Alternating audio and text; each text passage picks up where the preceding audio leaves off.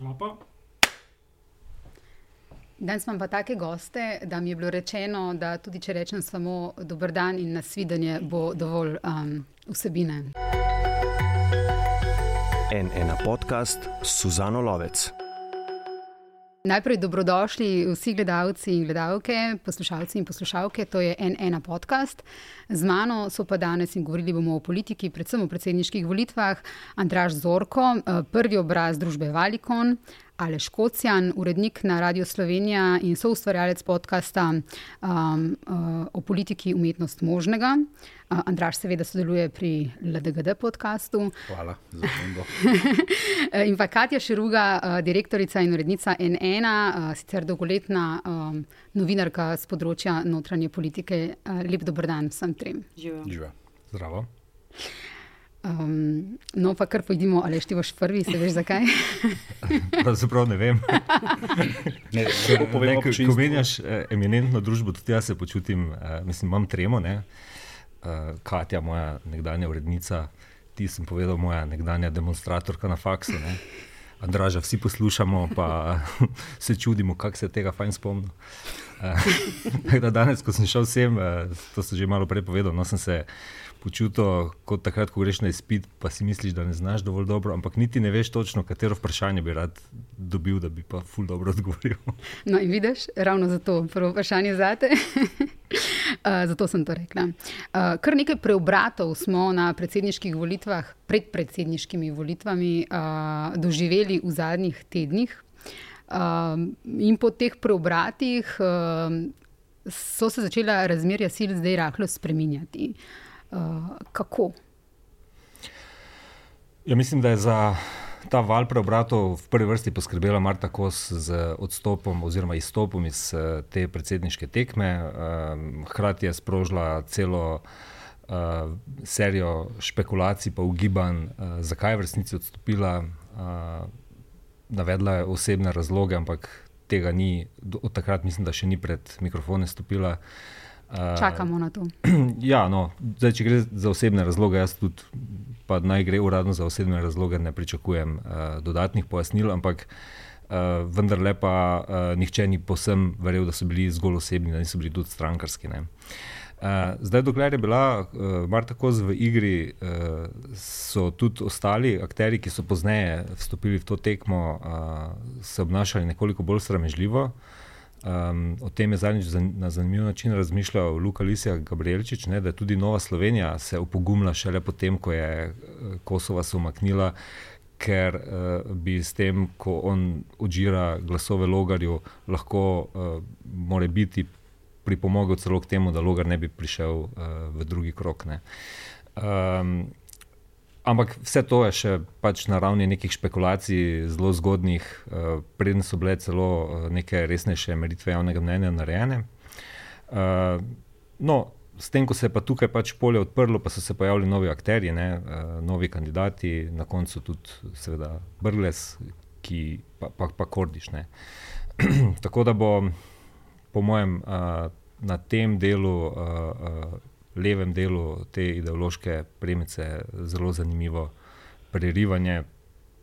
Na volitvah, v, torej v prvem krogu, bo taktika posebno drugačna kot potem pri naslednjih dveh kandidatih, ki se bosta pojavila v drugem krogu, um, ker tukaj bo pač uh, cilj uvrstitev v pač na prvo ali drugo mesto, uh -huh. verjetno drugo mesto. Um, Andraš, uh, koliko Nataša Pirc-Musar izgublja zdaj na račun Brgleza? Oziroma, ali je Brglez zasedel to pozicijo, ki jo je prej imela Marta Kos, kako se bo tukaj.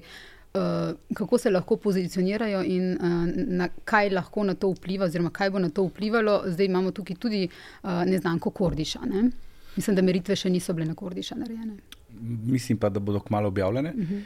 uh, mislim, da je težko govoriti v tem trenutku, koliko kdo zdaj res kaj izgublja napram temu, kar se je v zadnjih dveh tednih zmerilo. Preprosto zato sem večkrat opozoril, da vse te raziskave javnega mnenja v zadnjem mesecu v bistvu, no, so imele bolj prepoznavnost kot karkoli drugega.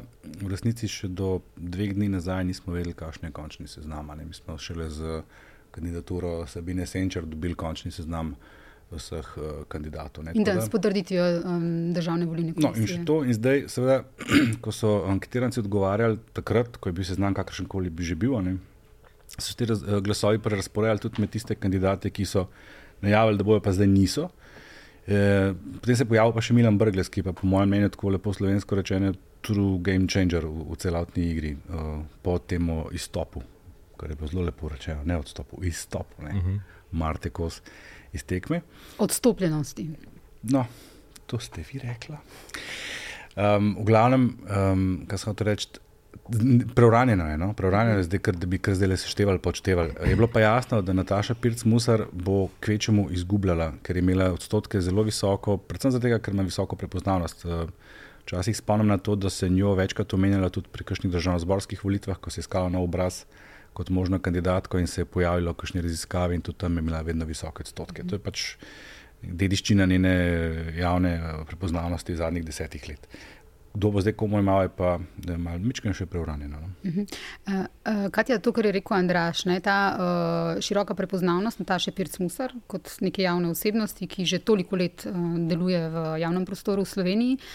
Um, zato ti tudi njeni visoki odstotki. Predvidevalo se je, da bo Marta Kos na volivnih soočenjih, ki je imela nižjo prepoznavnost, ne Marta Kos, uh, pridobivala z dobrimi uh, soočenji, z dobrimi uh, verbalnimi nastopi in tako naprej.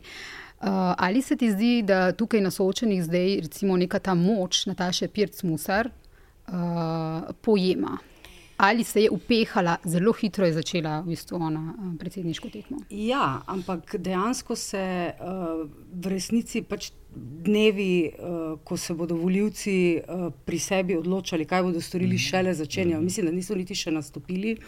Tukaj se bomo bolj pogovarjali po moje, o zadnjih dveh tednih, recimo pred volitvami. Uh, in ne glede na to, da je Nataša Pirc-Musar seveda široko prepoznavno ime in obraz v slovenskem javnem prostoru, jo bodo ljudje zdaj vendarle ocenjevali nek, skozi neka druga očala. Ona kandidira za predsednico Republike Slovenije. Torej, ni več informacijska pooblaščenka, ni več odvetnica, ni več um, znana um, TV. Twitterašica, TV voditeljica, kakorkoli, ampak vendarle ona zdaj nastopa v neki drugi vlogi in um, vprašanje je zelo pomembno za njo, kako se bo predstavila kot kakšna osebnost v resnici, se bo predstavila ljudem na volivnih soočenjih, še posebej proti koncu, uh, bolj ko se bo bližal, seveda, uh, dan volitev. Zdaj, Marta Kos je seveda vse spremenila, torej tudi po informacijah, ki jih imamo mi na ena in smo jih tudi objavili. Uh, ona je bila izstopljena iz volivne tekme. Ne? Imamo že tri izraze. Tako, ne.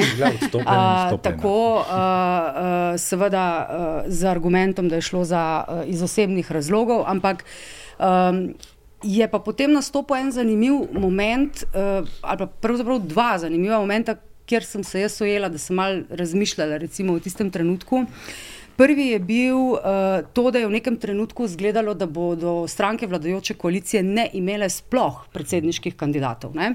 ali skupnega, ali vsaka svojega, ali kakorkoli.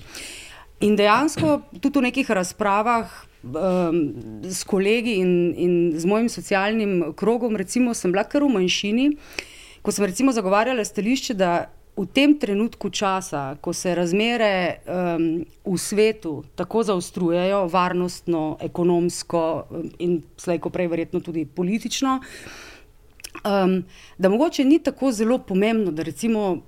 Si vladajoča stranka in moraš imeti predsedniškega kandidata. Ne?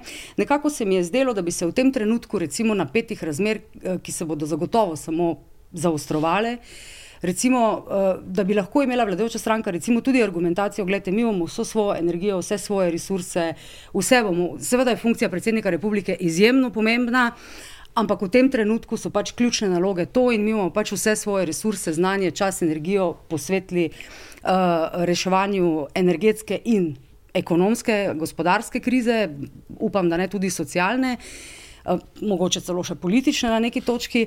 Um, in bi se mi zdelo, da bi to bil recimo argument, ki bi ga po odhodu izstopu Marte Kosi iz predsedniške tekme recimo lahko uh, ljudje razumeli. Um, in da ni bilo toliko nujno, da so šli s predsedniškim kandidatom, recimo, ampak potem, ko se pa je pojavil Milan Brgles. Uh -huh. Uh, kar je bila pa odlična igra in to je treba priznati socialnih demokratov, zlasti v smislu vloge moči Tanje Fajon v tej stranki. Če se boste spomnili, nekaj mesecev nazaj je kazalo, da bo proti njej kandidiral na kongresu še enkrat Jani Prednik, ki mu je pač po informacijah, ki so bile takrat v stranki dostopne, kazalo, da bi mogoče tokrat lahko resneje kot prvič ogrozil uh, položaj Tanja Fajon kot predsednice zdaj koalicijskih socialnih demokratov.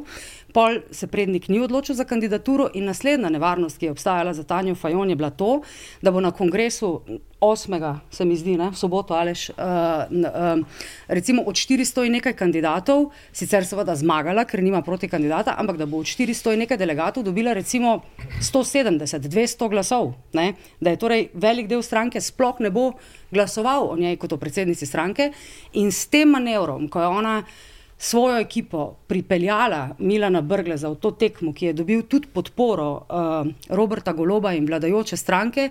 Levica je iz nekih, po mojem mnenju, internih razlogov šla z Kordišem v prvi krok. Mislim, da si je Tanja Fajon pomembno utrdila položaj uh, pred sobotnim kongresom znotraj stranke. Absolutno. Alež? Nekaj si hodil reči. Ja, s tem se strinjam. Uh, Htela sem pa dodati to, da je uh, takrat ob izstopu Marte Kos tudi do mene iz vladnih uh, vrst prišla takšna argumentacija, kot jo je Katja navedla, da je pač utegnil to biti razmislek, zakaj se umakniti iz uh, predsedniške tekme, čež da nas čaka, da vlado čaka uh, uh, težko obdobje in je treba vse sile usmeriti v to.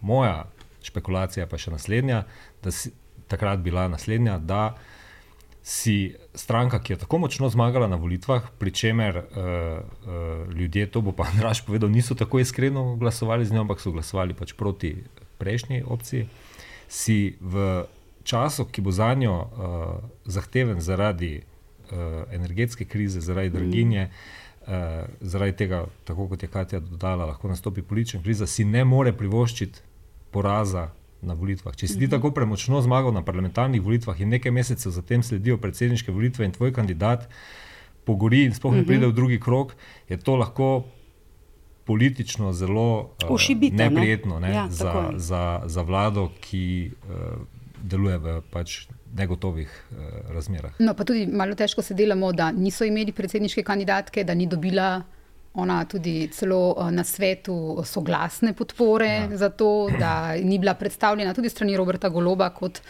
da bo izjemno dobra kandidatka za predsednico. Skratka, a je lahko to, kar se je zgodilo um, Gibanju Svoboda in Marta Kos, torej te relacije, ali lahko to, to dogajanje škodi gibanju? Kar se je zgodilo z Marto Kos? Jaz mislim, da v tem trenutku ne zaznavam, da bi to bila še um, neka pomembnejša tema, recimo v pogovorih ali pa v razmislekih, iskreno uh, o predsedniških volitvah. Mogoče se bo skozi soočenja na nek način vrnila. Zagotovo, tako kot si tudi rekla, Suzana, čakamo Marto Kos, ne? ona ni še nič povedala. Uh, ali bo povedala, kdaj bo povedala, kaj bo povedala, ne vemo.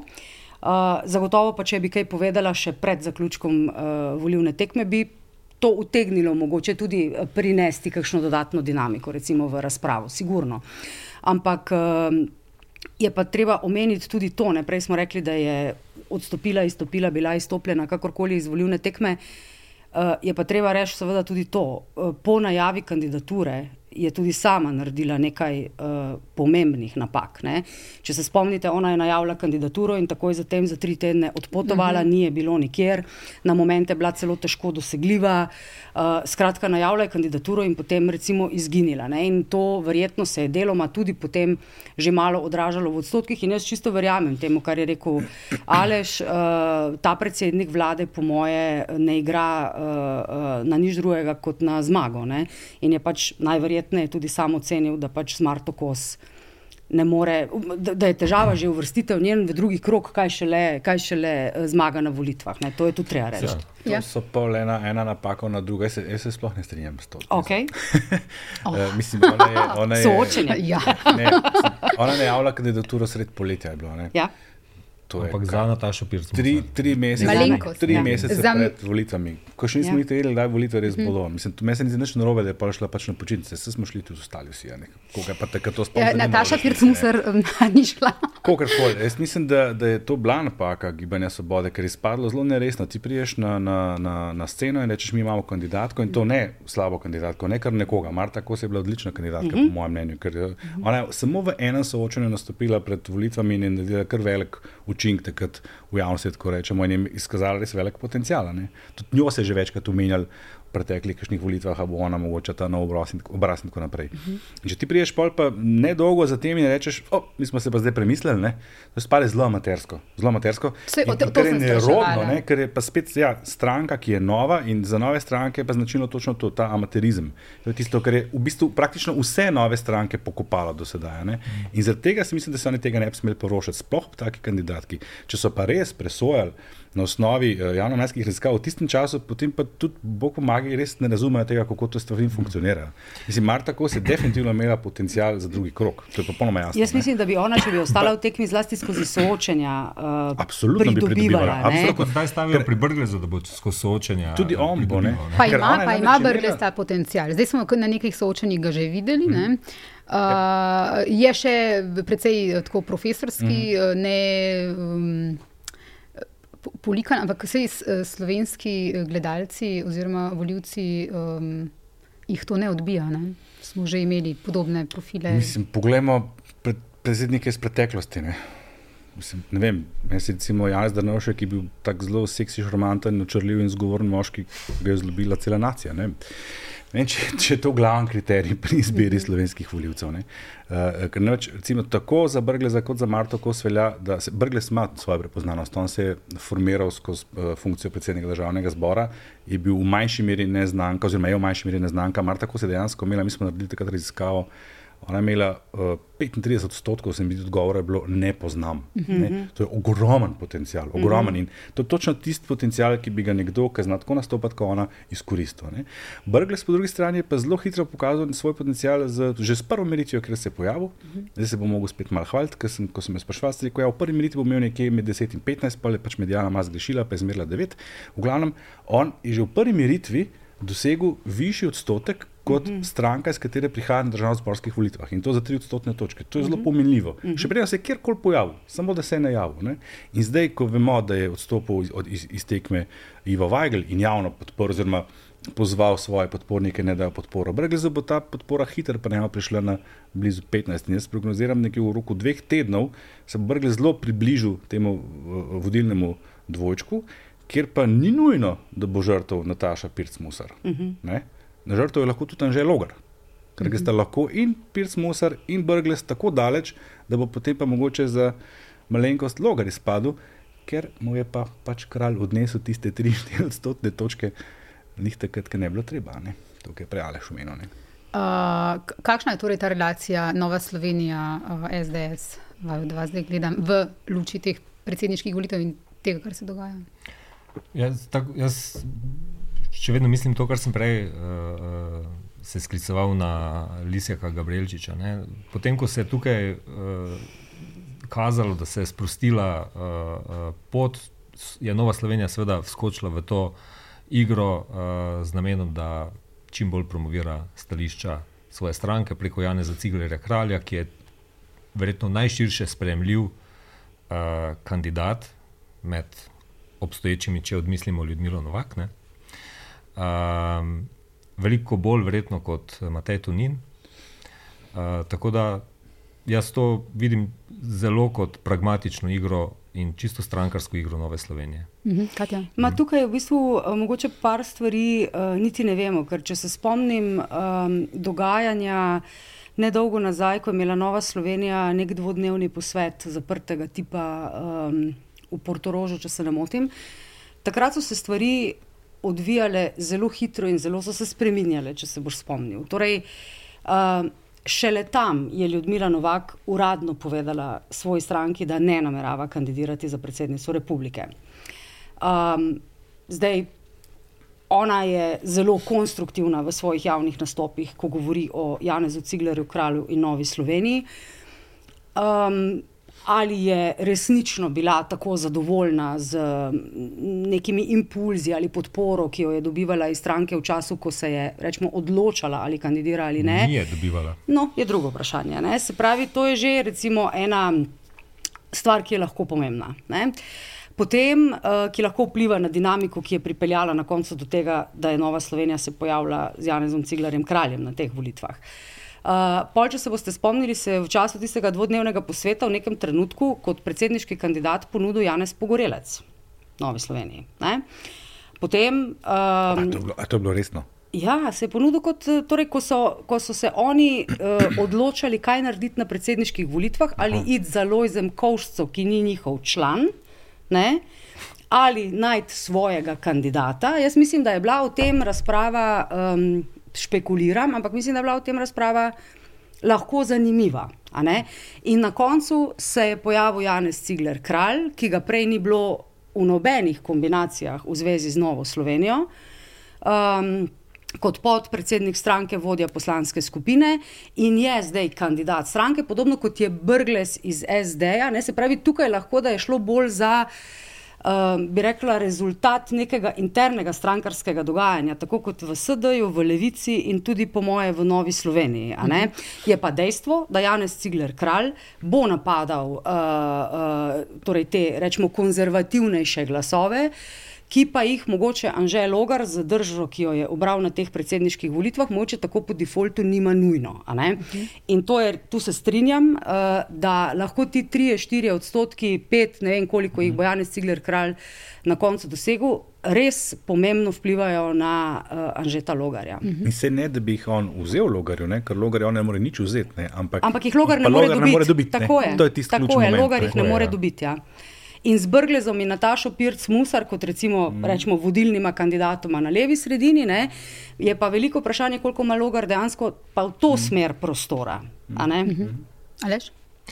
Ja, jaz sem hotel samo dodati k tej novi Sloveniji. Ne, ta njihov razmislek je bil res. Um, Vem, pač, če, če pogledaš malo z distance, amaterski. Ne. Imeli so kandidatko, ki, mislim, potencijalno kandidatko, ki si je želela kandidirati na teh volitvah. To je jasno, takšne so informacije. Vendar stranka je ni želela podpreti zelo iskreno. Rekli so v stranki, uradno stališče je bilo, če želi kandidirati, jo bo stranka podprla. Uh, zdaj Ljudmila Novak sicer govori, da bi se morala odpovedati stranki in iti v samostojno kandidaturo, če bi šla na volitve. To je njena uradna izjava bila, mislim, da pri vas. Um, istočasno pa je Tunin v zadnjem intervjuju povedal, da sta z Novakovo imela pogovor in da, sta, in da je dal jasno vedeti, da ne želijo, oziroma tako sem jaz razbral, da ne želijo njenega konflikta z Janšo. Mhm. Skratka, tu je bil, po mojem, problem. Ti bi se eno stvar okrog Ljudmila Novak dodal. To je kandidatka, ki bi si jo na mestu predsednice zelo želela videti leva sredina, ki sicer za njo ne bo nikoli volila. Ja. Desna sredina so jo pa že zdavni tako omejili, ja. da nima niti teoretične možnosti. Ker In... čim se pojavita dva kandidata na desni strani, In je en od njih SDS, ja. potem pač NSO kandidat ne more priti skozi. In to je tudi to, je, po mojem, Ljudmila Novak dobro ve. vedela. In enkrat je že bila na ta način, to bo vejo, to ni šla še enkrat. Tako je. Tako je. Ampak hočem reči, imamo tri kandidate, ki so lahko posledica neke interne strankarske dinamike. Miha Kordiš, zaradi internih razmer v Levici, um, Janez Cigler Kralj, um, ki ga prej res nikjer ni bilo in na koncu se je pojavil kot kandidat NSA. In mogoče malo manj, ampak vendarle tudi, ker rešuje položaj Tanja Fajon, Milan Brgles. Ne? Če se recimo Milan Brgles, to se bo zdaj malo smešno slišal, ne, neodvisen, seveda ni, ampak je pa na nek način nadstrankarski. Tukaj se je pokazal že v prvi meritvi. Ne? On je že v prvi meritvi presegel doseg svoje stranke. Mesej je on redkih politikov v Sloveniji, katerega imič ni tako zelo vezan na stranko, iz katere prihaja. Ne? Na zadnje v tej stranki niti ni prav dolgo. Ne? On je tam koliko, štiri leta. Hotel sem samo reči, da je to efekt njegove ja. kandidature, je tudi to. Jaz ga recimo sploh, jaz ga recimo sploh ne vidim no, tako, kot, kot uh, kandidata SD, kar je zdaj njegova velika prednost. Ne. On je bil pa že od nekdaj nek tak uh, nadstrankarski človek. Pravzaprav se tudi v SMC-ju se v enem momentu postavil nad lastnega predsednika vlade in stranke. Ne? Po svojih stališčih bi bil tudi uh, precej sprejemljiv za, za levico, da, da ja. ga podpre. Bolj kot mislim, SD da, celo. mislim, mm. uh, ja, mislim, da je to bila tudi. Uh, Ideja, s katero je Luka Mesec nagovoril svet stranke, je pa res, da je stranka Levica po izstopu Kosove zagnala svoje uh, uh, postopke, evidentiranje kandidatov, bilo jih je nekaj evidentiranih, na koncu je Kordiš dal soglasje in bi bilo za strankarsko dinamiko, za njihovo. Um, za njihove notranje, odno, interne Notranje odnose, odnose, ja. verjetno. Malo uh, neprijetno, če bi neprijetno, rekli, mi bi pa se vrgli odrekli svojemu Ja. kandidatu, ki je dal soglasje. Ampak imajo pa um, precej lahko odločitev potem v drugem krogu. Ne? Oziroma, ne, Vprašanje, če bo Ja, vrgles Vprašanje, kaj bo drugi krog. No, tako je, ja, tako je. drugi Ravno krog, to sem hodila reči. Ne? Če bo drugi krok, ta- to, kar je Andraš recimo prej rekel, da obstaja možnost Nataša Pirc-Musan in Brgles, recimo, ne, bo pa zanimivo. Uh, še eno o Kordišu. Uh, torej, kaj lahko on na tej levi sredini, koliko je plafon, ki ga lahko doseže, Andraš? Na levi sredini bolj malo, govorimo kvečemu o No, levici levici, z okej. okay. malo L, ker eh, Kordiš pač tudi znotraj levice velja za nekoliko bolj radikalnega mm. kandidata. Ne. Jaz Z- Znotraj levice z, z, Z, z velikim. L. Ja. Uh, jaz sem zanj rekel, da, da, da sem zelo vesel, da se je pojavil kot kandidat. Ne samo zaradi soočen, ki bodo zaradi tega nedvomno bolj zanimiva, tudi zato, ker me res zanima, kakšen je obseg kurdišizma v Sloveniji. Kurdiš, on, on zastopa ene ideje, ki so zelo radikalne, zelo socialistične, kako koli že rečemo. Ne? In mene res zanima, koliko je tega. zato Ampak kot je rekel. Aleš v zadnjem vašem podkastu na radiju, ne, mislim, da si rekel, Kordiš je v tem trenutku edini kandidat, ki ima jasne odgovore na vsa vprašanja, kar ga vprašajo. Tako je. Je tako? In to jaz pogrešam. Jasno je, da boš Recimo pri. Ciglerju. Zakaj Cigler ne odgovori zelo jasno, ko vemo, kakšno je njegovo stališče? Ja. Zakaj, zakaj še on načelno pa jasno odgovarja? Jaz bi si želel te načelnosti pri vseh kandidatih. Ne? Uh, in zdaj smo pri n- n- moji naslednji neki Cigar tezi. Kralj je že bil minister, pa ve, kako se to dela. Uh, uh, pri tem, da uh, ko pridemo uh, na predsedniške volitve, se zdi, da bi vsi kandidati radi bili neodvisni. Točno to, brez veze. Ne? Ne? Uh, Pa presegali pa pred pred kratkim sem rekla, pa, ja, da tako kot se pri državno-zborskih volitvah, tik pred volitvami uh, bi vse, vse stranke poudarjajo svojo zelenost. Mm. Ki, o čemer smo prej malo Recimo slišali. naenkrat ne bi rad bil več SDS. Tako, tako. Imamo, jaz zdaj, eh, imamo zdaj v bistvu kup kandidatov, ki želijo figurirati kot neodvisni. Ne? eh, Na tak ali drugačen način. In verjetno je tukaj tudi del odgovora, zakaj ni nekih jasnih od, odgovorov v teh uh, soočenjih, tudi tam, kjer v bistvu vemo, kakšen je njegov jasni odgovor. Ja, um, zanimivo bo uh, spremljati, kakšno taktiko bodo obrali uh -huh. kandidati, ali bodo skušali posnemati pahorja, ne? Ali bodo skušali biti uh, čim bolj uh, neideološki, povezovalni, tako kot se je pač trudil, ali pa naj bi se trudil pahor, ali pa bodo načelni in bodo odgovarjali iskreno. -huh.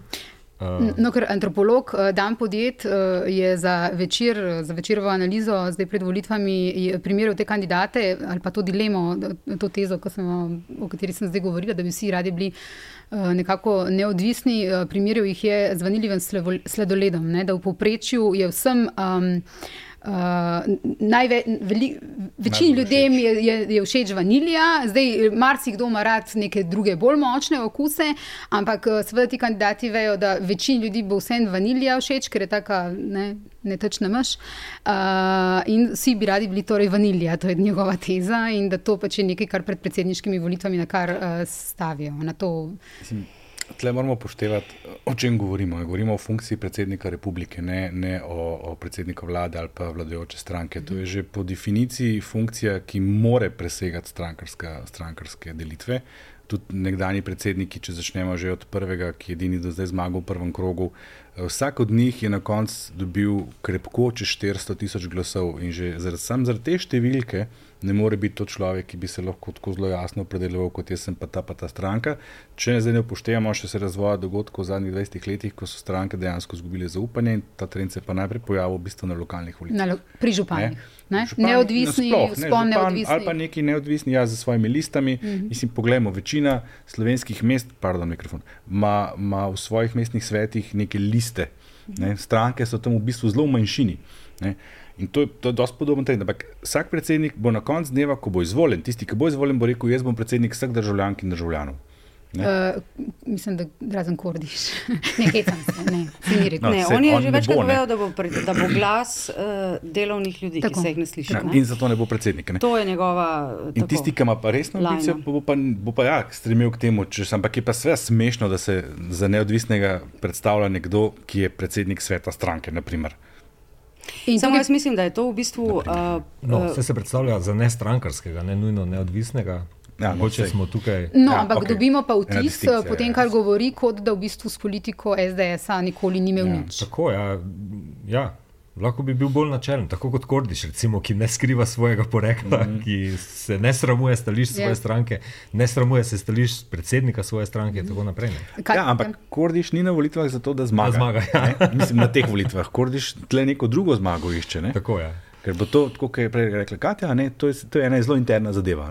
Ja, Kaj bo pomenilo recimo, njegov uspeh ali pa neuspeh? Je, to je ključno vprašanje. Pri Kordišu je, to je samo to zagledati. Ja, mislim, ja, eksperiment. Ja, ja, eksperiment delajo. Ne, ker, eh, oni imajo 4,4 državnih zborskih volitev. Če on pride do tam, tako. v redu, pa smo v redu, pa ne bomo več eh, njegovih. Kaj pa če preseže? Ne, no, sej, ne, se to ne. Če bo pa, če bo pa pod tem, ne, Pa vemo, kaj sledi. Ne, če pa če preseže. Ja, potem pa je po mojem Luka mesec malo težav. Mislim, da je Luka mesec v težavah. Potem je pa Luka mesec v težavah in potencialno tudi lahko. Delno Robert Golop, ne, ker je levica koalicijska stranka. In če bo pa na istem nivoju, pa nikoli več ne bojo mogli reči, da jim posebna pa ne vem. Tako, kaj, zato ne? se strinjam, ne, ne. tudi mene zelo zanima rezultat, ki ga bo Miha Kordiš mm. uh, naredil, uh, zato ker je za, za ta razmerja pomemben. Uh, ampak glede teh neodvisnih, uh, ali kako smo rekli, kandidatov, uh, ne strankarskih, ne, uh, jaz vidim tukaj eno veliko težje vprašanje, v resnici, ki je resen izziv um, za parlamentarno demokracijo. Um, to so resne nezaupnice strankokraciji. Uh, da moraš biti ali pa se predstavljati kot neodvisen, ne strankarski, da imaš sploh neke resnejše mhm. možnosti. Da uh, na lokalnih volitvah smo najprej to videli, na predsedniških se to ponavlja, na parlamentarnih, kaj se nam dogaja. Ne? Eh, malo pred volitvami se naredi nova politična mhm. stranka, ki pride in zmaga. Torej, in reče še predtem, mi nismo na levo, ne desno. Tako je. Ne? Mhm. Skratka, to je to, uh, se mi zdi, da se nam izvolitev v volitve bolj vidi kriza te neke tradicionalne strankokracije, ki nima nobenega resnega odgovora na to, hkrati pa ogromno moč in edino ključno v državi, to je vodenje vlade. Ne? Kar še bolj žalostno, nima niti resne tradicije v Sloveniji. V recimo, Tako da to jaz bolj iz tega vidika uh, bi rekla, to mm. razumem. In recimo pri Nataši Pirc Musar je bilo veliko komentarjev, pa kako v toliko časa ne more zbrati 5000 podpisov. Mm -hmm. Ja, to lahko gledamo na dva načina, po mojem. Ne? Okay, jaz ne vem, bile so neke informacije, ampak jih nisem preverjala, niti ne vem, če držijo. Uh, zato zelo z rezervo, prosim. To, um, torej, da, da so bile neke organizacijske težave, recimo, čist pri zbiranju teh podpisov, ker načeloma pri nekom tako poznanem, mm. a ne. Uh, bi si človek, bi človek pričakoval, da bo 5000 podpisov zbrala tako. No, ni res. Ker bi zdaj jih je tako zbrala. No, sej, ja. Ampak sej, sej, sej, sej, sej, ravno to hočem povedati. Ja. Ravno to ja. hočem povedati. Da dejstvo, da jih ona ni, oziroma da jih je s težavo, in mislim, da jih je pol koliko 5444 ne, oddala, torej malo čez 5000 je zbrala v kar nekaj tednih, je pa lahko dokaz tega, da ravno res, resnično nima nobene infrastrukture ali mreže za sabo. Ker če bi imela, ja. bi se ta stroj pognal ja. in bi zbrala 12 tisoč, koliko že logar v treh dneh. Mora logar glavno zmagati, ima 12 tisoč. Tako je, ne? Tako je, Samo ne pozajemo, da ima stranka 30 tisoč mhm. članov.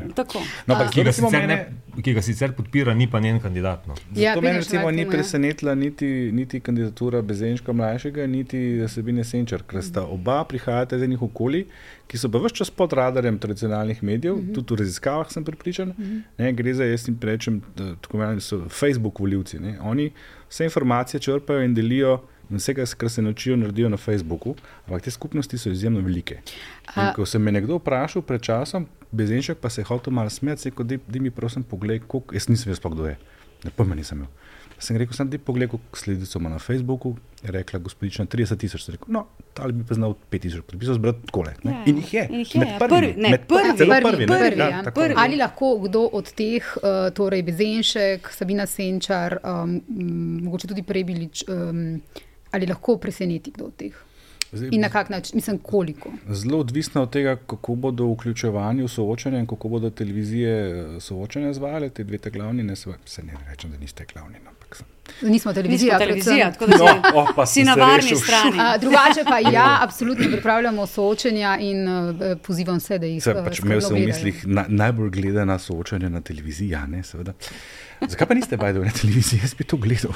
V glavnem, uh, um, tisto recimo zelo definira. Ne? In to, tokrat pa sploh, ker le, mislim, tokrat je pa, so bojo pa soočena glavna stvar. Ne? Pri volitvah so bili čist drugi vzgibi, ki so, čist druge dinamike, eh, državni zbor, ki so delovali v zadju, da so ljudje prišli na volitve in se odločili za določeno stranko. Ne?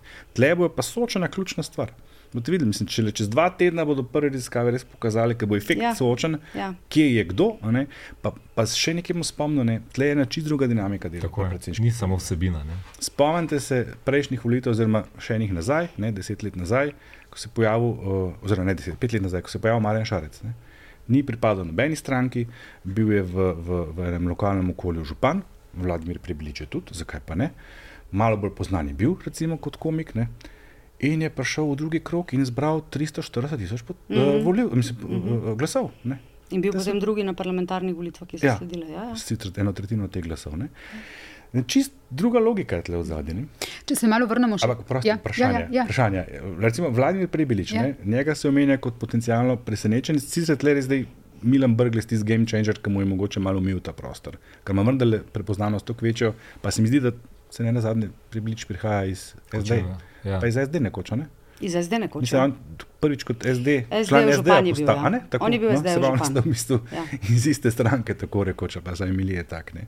Uh, tako da ne izključujem, ampak se je pa res ta krok zdaj zelo umil, uh Mhm. -huh. na eni strani z Brglezom, se pa mečkam sprostil, ker ni vajgla, to pa je tudi res.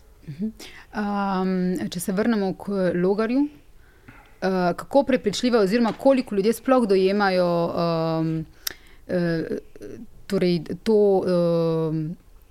Lahko, ali lahko eh, ljudje sploh dojemajo ga kot ne SDS, glede na to, da si to želi, to nekako komunicira, da vedeti med vrsticami, ali ga ljudje tako dojemajo? Ne vem, ampak uh, Anžel Logar je brez dvoma izkušen politik, uh, je dober v javnem nastopanju, retorično je spreten, tudi uh, njegovi neodgovori so mojstrovine ne? na nek način. Um, Tako da jaz mislim, da uh, na teh predsedniških volitvah lahko nekdo tudi z nastopom pripriča ne, uh, voljivca. Ja, Andraš, In- mogoče še in, zate to eh, vprašanje. absolutno. Ali, ali, ali ga lahko ljudje, kljub vsemu, da vemo, da je v stranki, da je bil ministr te stranke, da je svet v stranke, Mhm. uh, da deluje v stranki že dolgo vrsto let, ali lahko ta, ta igra v bistvu uh, ga lahko dojemajo kot ne SDS? Mislim, ne da bi ga dojemali, da ni član SDS-a, lahko se pa kakšen voljivc odloči, da ga to pač ne moti in ga podpre, če tudi on ni podpornik ali pa simpatizer te stranke. To smo ne na zadnje videli na zadnjih Tako je. županskih volitvah v Ljubljani, kjer je bil on kandidat SDS-a in je dosegel do sedaj rekorden rez- rezultat te stranke in nakazal, da je to en redkih kandidatov iz te stranke, ki je sposoben presežeti klasičen bazen voljivcev SDS-a. Bi se spomnil, recimo pet let nazaj je bila Romana Tomc, njihova Tako kandidatka, ki je Ja. bila ugledna, so jo tudi Ja. mnogi omenjali, pa dovolj zmerna in tako naprej. Končala je pri 100-717 tisoč, ne? nekaj tasga. Ne? To je, to Čakaj, je bila je tretja, ne? tretja ali- ali pa četrta, ja. celo ne vem. Ampak pol manj, kot bi človek pričakoval. Ja. Logar bo to zagotovo presegel. In ja, odgovor na vprašanje je, ja, on je zmožen presežeti uh, klasičen bazen voljivcev SDS. Pričemer je pri Anžetu Logarju, po moje, uh, korektno povedati, seveda tudi to. Uh, on je tudi znotraj SDS-a velja za liberalno krilo te stranke. On dejansko nikoli ni javno na noben način, ne na Twitterju, ne v izjavah, nekakorkoli podpiral nekih dejanj, stališč te Ni se stranke. pa tudi opredeljeval proti javno. Ni se javno opredeljeval proti, ampak ni pa jih nikoli podpiral, in jaz osebno mislim, da jih tudi osebno ne suportira. Ne, na našem soočenju se boš spomnila, je potrdil to, kar smo mi sicer neuradno vedeli že nekaj mesecev, ampak takrat, ko je bil na funkciji ministra, tega ni hotel uradno potrditi. On je bil v SDS-u ta, kot predsednik sveta in takrat še zunanji minister, ki je zagovarjal stališče, da mora Andrej Vizjak odstopiti kot minister zaradi dveh stvari, zaradi hudega poraza na referendumu o vodah in zaradi potem še posebej uh, zaradi prisluhov. Ker na drugi strani je že Logar vodil neko preiskovalno komisijo, kjer je uh, torej, prišel tudi do določenih informacij in se mu ni zdelo sprejemljivo. Ne? Hočem reči, da torej, uh, ne, njega, po moje, levo-sredinsko volivno telo seveda dojema kot kandidata SDS in ga verjetno ne, ne bodo volili v taki, taki uh, meri, kot bi si mogoče Anžel mhm. Logar želel ali bi potreboval. Um, Na drugi strani ima težavo zdaj z Ciglerjem, kraljem, ki mu bo pobiral te najbolj konzervativne glasove, koliko bodo za logarja usodni ali ne, je v tem trenutku ne mogoče mm. napovedati.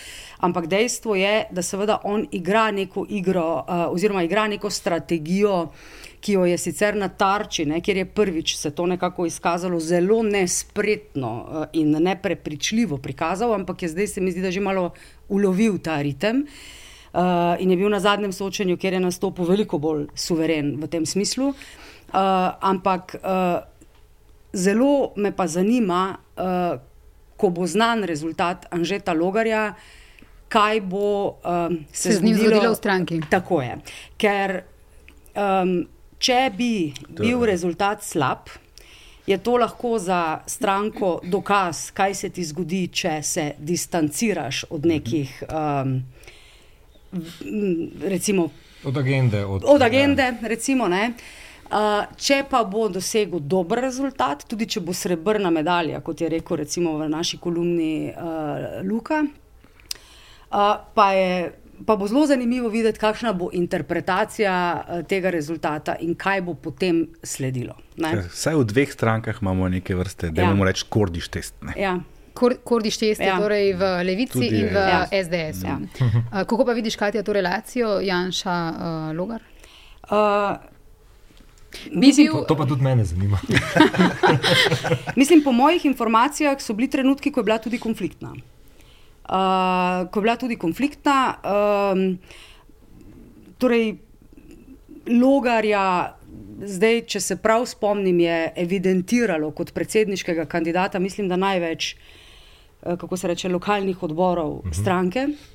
Uh, niti ne vem, tukaj imamo malo nasprotujoče se informacije in ne vem, kaj od tega drži.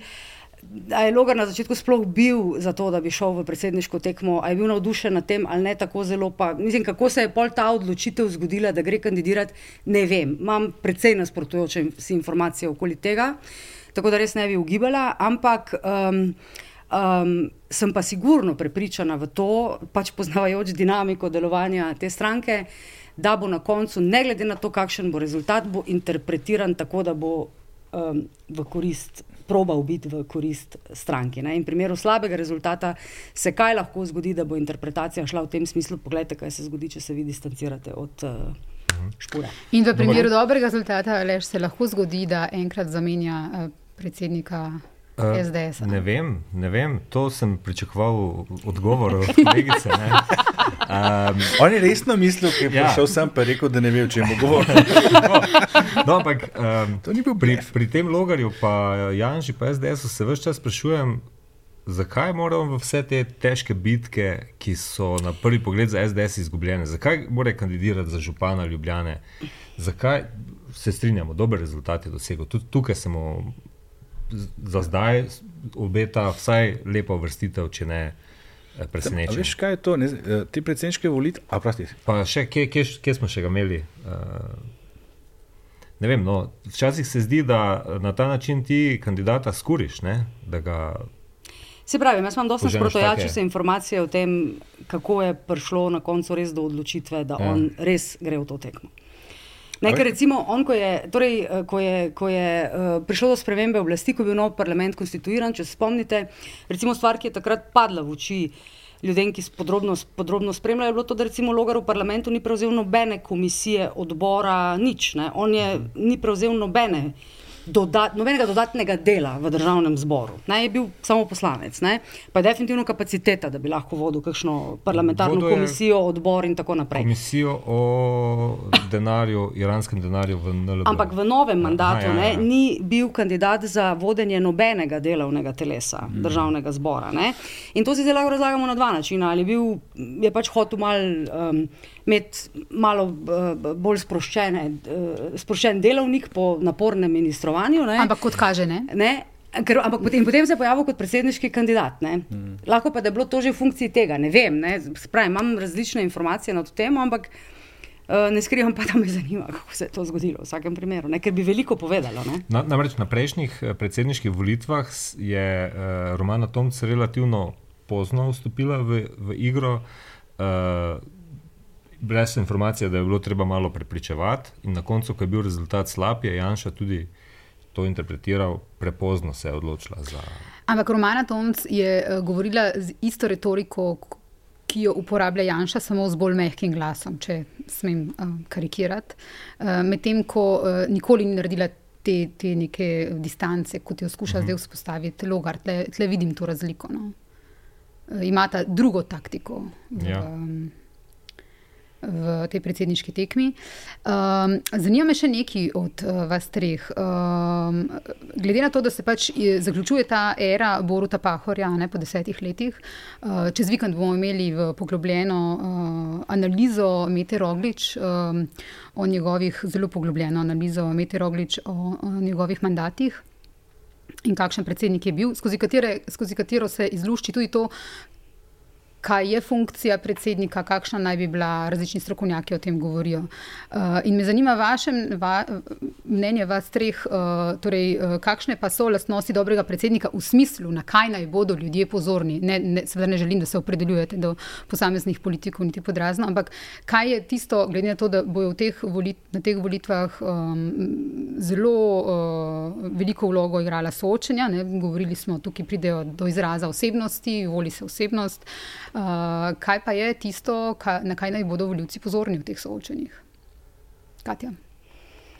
Uh, jaz se bom vrnila k temu, kar sem povedala, v bistvu, mislim, kar na začetku tega podcasta in to se mi zdi, da je pomembno imeti pred očmi. Mi smo v trenutku časa, ko Vladimir Putin omenja možnost uporabe jedrskega orožja. Mi smo v trenutku časa, ko ekonomski kazalci drvijo v neprave smeri. Uh, ko se v največji trgovinski partnerici Slovenije napoveduje recesija, ko imamo energetsko krizo, ki jo že živimo, uh, ko je inflacija visoka. Um, skratka, želim povedati, da je kontekst in trenutek, v katerem smo, izjemno zahteven, uh, deloma tudi tvegan, um, in da se bodo po vsej verjetnosti razmere. Upam, da ne varnostno, ampak ekonomsko pa zagotovo poslabševale. Uh, In v tem smislu se mi zdi pomembno uh, tudi, kako bo svojo politiko vodil bodoči predsednik ali predsednica republike. Mhm. Vsaka kriza, uh, o kateri mislim, da zdaj že lahko govorimo, da je tukaj. Um, uh, Prinese tveganja socialne krize, politične krize, skratka, še bolj razburkanih uh, obdobij. Uh, Um, in Borutu Pahorju so njegovi največji kritiki učitali, da se je premalo krat oglašal, da je premalo krat, če poenostavim, udaril po mizi. Recimo, pri, pri, nekaterih, pri nekaterih stvarih. Ne? Kdo je hotel od njega tudi, da udari po mizi še kje drugje. Recimo, Ampak glede na te zahtevne, kompleksne okoliščine okoli nas, ki se nam že dogajajo in se bodo dogajale tudi naprej se mi zdi pomembno, da bo znal predsednik ali predsednica republike zelo dobro odmeriti, mm -hmm. kdaj se bo oglasil ali oglasila in kdaj se ne bo oglasil ali oglasila. Oziroma, kot je rekel eden od predsedniških kandidatov, ravno ta teden v enem soočenju.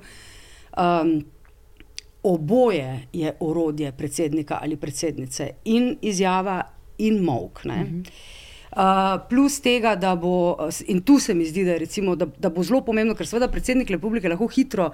Uh, pač čisti iz pozicije, kateri, ki jo zaseda, lahko hitro povzroči neke dodatne napetosti, lahko jih pa proba umirjati, ne? lahko prispeva k razdeljenosti, lahko proba iskati skupne imenovalce v zahtevnih kriznih časih, še to toliko bolj pomembno. Ne? Še posebej, če se bo začela tudi kakšna spirala politične negotovosti in krize. Recimo. Skratka, jaz bi predvsem, ali pa jaz bom eh, kot volilec, predvsem na to pozorna. Kako kandidati za predsednika in predsednico razumejo aktualen trenutek časa, in predvsem skozi to vidijo vlogo, ki jo bodo imeli. Kaj nameravajo početi na mednarodnem parketu, dokot lahko pridejo na mednarodnem parketu, uh, in seveda kako nameravajo uh, pripom, uh, pomagati pri tem, da se rešujejo, uh, ker pač torej, uh, neke egzekutivne moči nimajo, ampak kako nameravajo pomagati pri tem, da se v Sloveniji začnejo reševati, eh, čeprav v zaostrenih razmerah, pa vendarle tudi struktur, ključni strukturni problemi, o katerih jaz pač vedno znova govorim, ker so že kar nekaj let in desetletji tukaj, pokojnine, javno zdravstvo, demografske škarje in tako naprej. In tako naprej. Skratka, jaz jih bom presojala predvsem skozi njihovo izrekanje o tem in seveda tudi kot osebnost. Ja. Mhm. Jaz si želim, da je predsednik načelen in odločen. In premišljen in trezen. Ko govorim načelen in, in zlasti načelnost, uh, načelnosti si želim. Uh, politična oseba, ki je načelna, ne beži od opredeljevanja, od odgovorov, svojo načelnost izkazuje skozi nek jasen sistem vrednot. To moramo vedeti, kakšne vrednote ima predsednik, predsednica, oziroma v našem primeru zdaj kandidati. In če ima to zelo jasno razdeljeno, potem načelno opredeljevanje ne bi smelo biti problem. Um, pri tem me ne zanima, ali je predsednik uh, konzervativen ali liberalen ali kaj tretjega, samo želim si, da je uh, odločen in načelen v svojem opredeljevanju in da se oglaša. In v tem pogledu je za mene uh, Borod Pahor uh, razočaranje. Uh, jaz si želim predsednika, predsednico, ki uh, ne beži od te odgovornosti, da je moralna avtoriteta. Mhm. Zato ker, naš, zato, ker je predsednik ali predsednica uh, republike edina politična funkcija, ki, je, uh, najširše, uh, ki ima najširšo uh, legitimnost, legitimnost in ja. podporo, zato ker je edina neposredno izvoljena, če odmislimo župane, ampak to je druga zgodba v lokalnem okolju. Skratka, je edini reprezentant uh, uh, nacije, uh, ki je neposredno izvoljen. In pričakujem od njega ali nje, da zna kdaj umiriti žogo, pomiriti ljudi v stiski, v krizi, ali pa povedati, da je prav to, pa je narobe. Uh -huh. uh, ali tudi ljudje pričakujejo, da je moralna avtoriteta predsednik? Ta, ta predsednik sedajni, Borod Pahor, je v bistvu sam rekel, da ne želi biti moralna avtoriteta, ne to pred leti že. Zdaj, uh, to mu očitno ni škodilo. Ne? Ali je še priznal na poti sem, da se počuti kot na poti v šolo, včasih je vedel, da bo vprašal, pa ne vedel, kaj bo rekel. Jaz sem se zdaj le počutil tudi kot v šoli, ker sem bil pač na Z in sem vedno na koncu vprašal, in sem imel ful časa, da se pripravim, ampak sem pa dobil novo vprašanje, ker so vsi ostali že odgovorili. In se zdaj tam, kaj ne vem, kaj rečem. Ne, se, kaj, kaj se ljudje mislijo, res, moram priznati, da ne vem. Uh, to, kar smo videli uh, v zadnjih dveh letih, je to, da, je, uh, da ta funkcija ni nepomembna. Jaz se spomnim. Mm smo nekateri analitiki, morda tako analitiki, komentatorji takrat uh, v prvem krogu, oziroma že v pr prvih volitvah, ko je Pahor kandidiral, mal podcenjevali oziroma zmanjševali pomen te funkcije, češ se nima nobene eksekutivne moči, se je reprezentativna funkcija omejena zaradi, vemo, Milena Kučana leta 92, se je v bistvu bolj kot en kralj. Mogoče so pa zato kralja izbrali, ker ima lahko tako dober slogan. Kralj za predsednika. Um, in, in zadnjih letih se je izkazalo, da to ni čistko. Uh, tukaj je tudi Katja omenila, ne? kaj je pri predsedniku pomembno, kdaj se oglasi in kdaj se ne oglasi. Ne? Jaz sem recimo Borota Pahorja zanč ocenil eni vdaji kot predsednika, ki se je oglašal takrat, ko ne bi bilo treba, o stvarih, o katerih se res ne bi bilo treba, bil je pa tiho takrat, ko bi se moral oglasiti. No pa tudi imenovanja ne, so. Mhm. Recimo, ne, to, se, to, so, seveda, vse to, kar se je videlo v teh dveh letih, ne, da ta funkcija vendarle ni tako nepomembna, a še spostavlja še eno zelo pomembno stvar, to je edina neposredno voljena uh -huh. funkcija politične države, ker se mi zdi izjemno pomembno, da za njo stoji toliko in toliko, sto tisoč ljudi, to je ogromna številka. Tako da, pa, če se veš še enkrat na Katijo, kontekst je tukaj izjemno pomemben. Rabimo predsednico oziroma predsednika, ki bo znal ljudi, ko bodo stvari napete, pomiriti, ne pa razburiti, razdaražati, razdeliti. To je ključna stvar. Zdaj se vprašamo, kateri od teh kandidatov uh -huh je kot osebnost tega zmožen, katerega ne bo v nekem trenutku odpeljal zaradi tega ali onega razloga v neko skrajnost, ne, pa kateri ima tudi te kompetence, da bo znal to tako odločno povedati, da bodo pač določeni ljudje zaradi tega pomirjeni in hkrati se bo znal še recimo v tujini. Lepo obnašati, kar tudi zelo cenimo v Sloveniji. Kar se tiče pristojnosti, je sicer, uh, Aleš, ti zagotovo to spremljaš tudi bolj podrobno. Zdaj v parlamentarni proceduri predlog za spremembo stave, ki se mu obeta 60, uh, kako se reče, 60 glasov, dvotrezinska večina. Uh, da bi predsednik republike na predlog sodnega sveta kar, torej kar imenoval ne, uh, sodnike, da bi, se, da bi to šlo mimo parlamenta. Intenca je sicer umakniti politiko iz uh, kadrovanja v sodstvu. Um, ampak v tem smislu, da je predsednik res edina neposredno voljena funkcija, je res malo hecno, da nima več uh, tudi dejanske moči, mm. kot jo ima. Um, um, ampak uh, tukaj, recimo, ne, uh, Je pa res, da se ne spomnim uh, primera, ko bi parlament uh, nasprotoval uh, sodniku, uh, ki ga je sodni svet predlagal. Uh, drugo je, seveda, ustavni sodniki, ne, ja. ki niso del rednega ja. uh, sodnega sistema.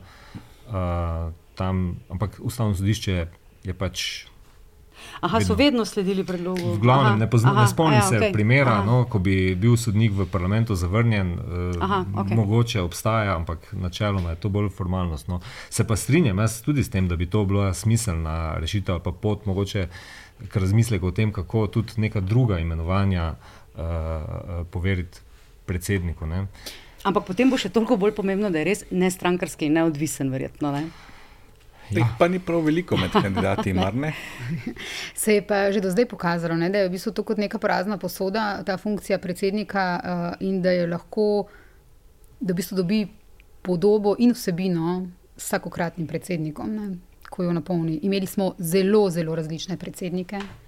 Um, tako da Ampak tako je verjetno skoraj na vsaki funkciji. Ne? Tudi ministersko funkcijo ti lahko upravljaš uh, zelo avtoritativno, ali pa zelo konsenzualno, ali pa zelo odločno, zelo medlo. Verjetno je podobno uh, na, na takšni funkciji, kot je predsedniška, kjer pa ti res lahko daš svoj osebni pečat z neko avtoriteto, uh, kot moralni kompas uh, družbe. Um, glede na to, da si v pristojnostih uh, omejen. Uh -huh. uh, čakajo nas uh, napeti tedni in meseci, uh, ne samo, da imamo uh, skoraj vsak, ne, smo gledali na vrniškem sestanku, skoraj vsak konec tedna bomo imeli uh, volitve, torej prvi krok, pa drugi krok, pa lokalne, prvi krok, drugi krok uh, in potem še referendumi. Ne, bodo, ja. tako, uh, tako da uh, nas čaka uh, pestri, uh, pestri politični meseci. Uh, Um, najlepša hvala za sodelovanje v tokratnem NN podkastu. Mogoče še um, priložnost za uh, promocijo skupnega nastopa vajnih podkastov, ker sem se danes bila v tem obveščena. A ja, res, to sem jaz v bistvu danes le samo zato, da imamo generalko. To. to smo se zdaj ja. zmenili, da lahko poveste. Zato, da se ogrejemo za 10. oktobra, ko skupaj nastopimo v cukrarni. Eh, umetnost možnega in LDGD. Dve dami in pokr asov smo pogruntali za njih. Tako, evo. Ne, pa ne, da bi bili zdaj mi asi, ampak vsi smo na. Kjer se, kjer se boste tudi pogovarjali o politiki, o predsedniški politiki? Za spremembo o športu se ja. pogovarjali. Jaz bi šel za kulturo. Košarka smo rekli, ne. Pa, pa mini golf, pa kaj še, še nekaj bilo. Balinanje. Ja. Okay, pridemo poslušati, zagotovo. Uh, hvala tudi vsem poslušalkam in poslušalcem, gledalkam in gledalka, gledalcem.